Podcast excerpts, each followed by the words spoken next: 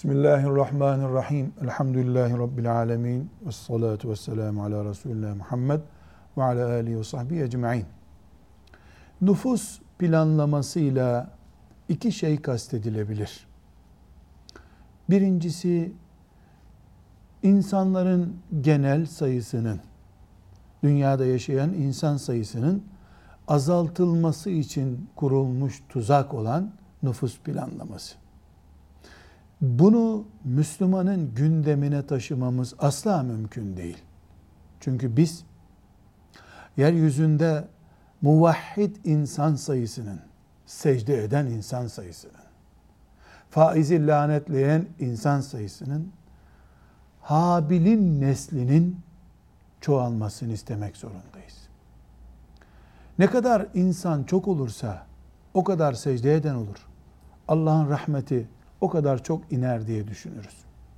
Rızık endişesiyle yeryüzü nüfusunu doyuramaz korkusuyla asla nüfus planlaması yapamayız. Neden? Çünkü rızık bizim elimizde değil ki. Kim yaratıyorsa rızkı da o veriyor. Üstelik tenekeden bile yiyecek yapılacak hale gelindi dünyada. Neden? Rızık sıkıntısından, kaynak sıkıntısından söz ediliyor ki. Bu tür nüfus planlaması bizim gündemimizde olamaz. İkinci nüfus planlamasından yani olabilecek nüfus planlamasından söz edebiliriz. İki eş, karı koca, bir aile. Şu çocuğumuz şu yaşına gelinceye kadar çocuğumuz olmasın. Bu çocuğu iyi büyütelim diyebilirler. Annenin sağlığı açısından, babanın özel durumları açısından iki sene çocuğumuz olmasın diye bir planlama yapabilirler. Bu caizdir. Ashab-ı kiram bunu yapmışlardır. Ancak bunu yaparken endişe rızık endişesi olmamalı.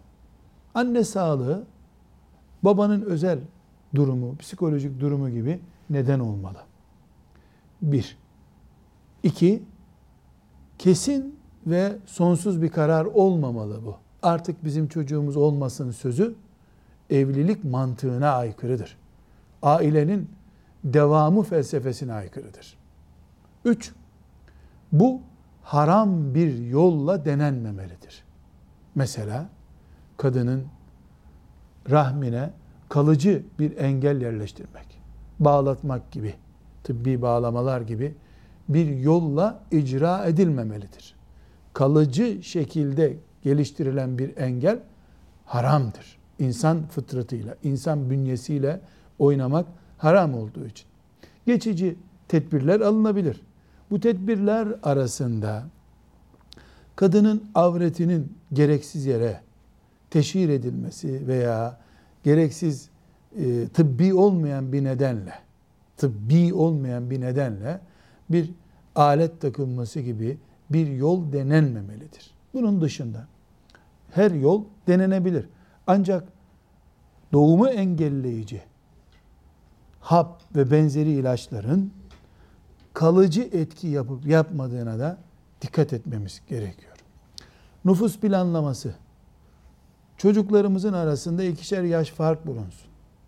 Henüz doğumdan yeni çıkmış lohusalığı ağır atlanmış bir doğum oldu gibi gerekçelerle olabilir. Ama üç çocuk yeter, dört çocuk yeter, beş çocuk yeter gibi sözler Allahu Teala'nın yaratma kudretine ve azametine karşı saygısız sözlerdir. Müminler doğurmak, büyütmek, secde eden mücahitler yetiştirmek için evlenirler. Velhamdülillahi Rabbil Alemin.